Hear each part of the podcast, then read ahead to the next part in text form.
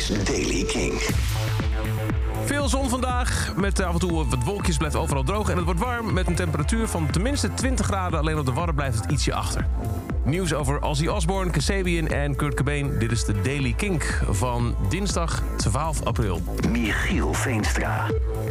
Ozzy Osbourne heeft zijn dertiende album af. Dat is eh, vrij snel, want vorig jaar kwam hij nog met album nummer 12. Er is nog geen titel of release datum bekendgemaakt... maar wel maakt Ozzy in een social post bekend... dat er heel wat bekende gasten te horen zullen zijn op het nieuwe album.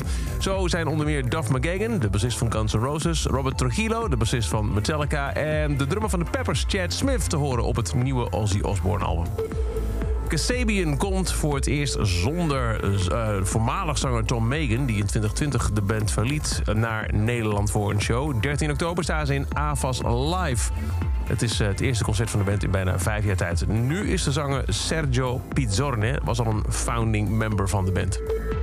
En een aantal uh, items die ooit van Kurt Cobain waren... gaan volgende maand onder de hamer bij Julian's Auctions. Het gaat om een auto en een iconische gitaar. Uh, die auto is een Dodge Dart 1965...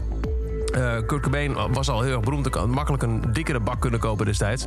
Maar dat wilde hij niet. Hij wilde een, een oude bak. Uh, uit de biografie um, van Kurt Cobain, Heavier Than Heaven... staat te lezen dat Courtney Love daar echt flink van baalde. Zij hadden ruzie omdat uh, ze altijd een uh, taxi moesten nemen en zo. Dus uh, kocht hij een, een Dodge Dart uit 1965, toen voor 2500 dollar. Die zou nu inmiddels bij de veiling tussen de 4 en 6 ton moeten opleveren. Aardige investering geweest. En dus een iconische gitaar. Een linkshandige Fender Mustang uit 1969. Startbod 6 tot 800.000 dollar. Uh, in het laatste interview met Guitar World zei Kurt Cobain destijds... ik ben linkshandig. Het is niet zo eenvoudig om een redelijk geprijsde linkshandige gitaar... van hoge kwaliteit te vinden. Maar van alle gitaren in de hele wereld is de Fender Mustang mijn favoriet. En die gitaar is te zien in de clip van Smells Like Teen Spirit. Dus wel even wat spaarcentjes opzij zetten.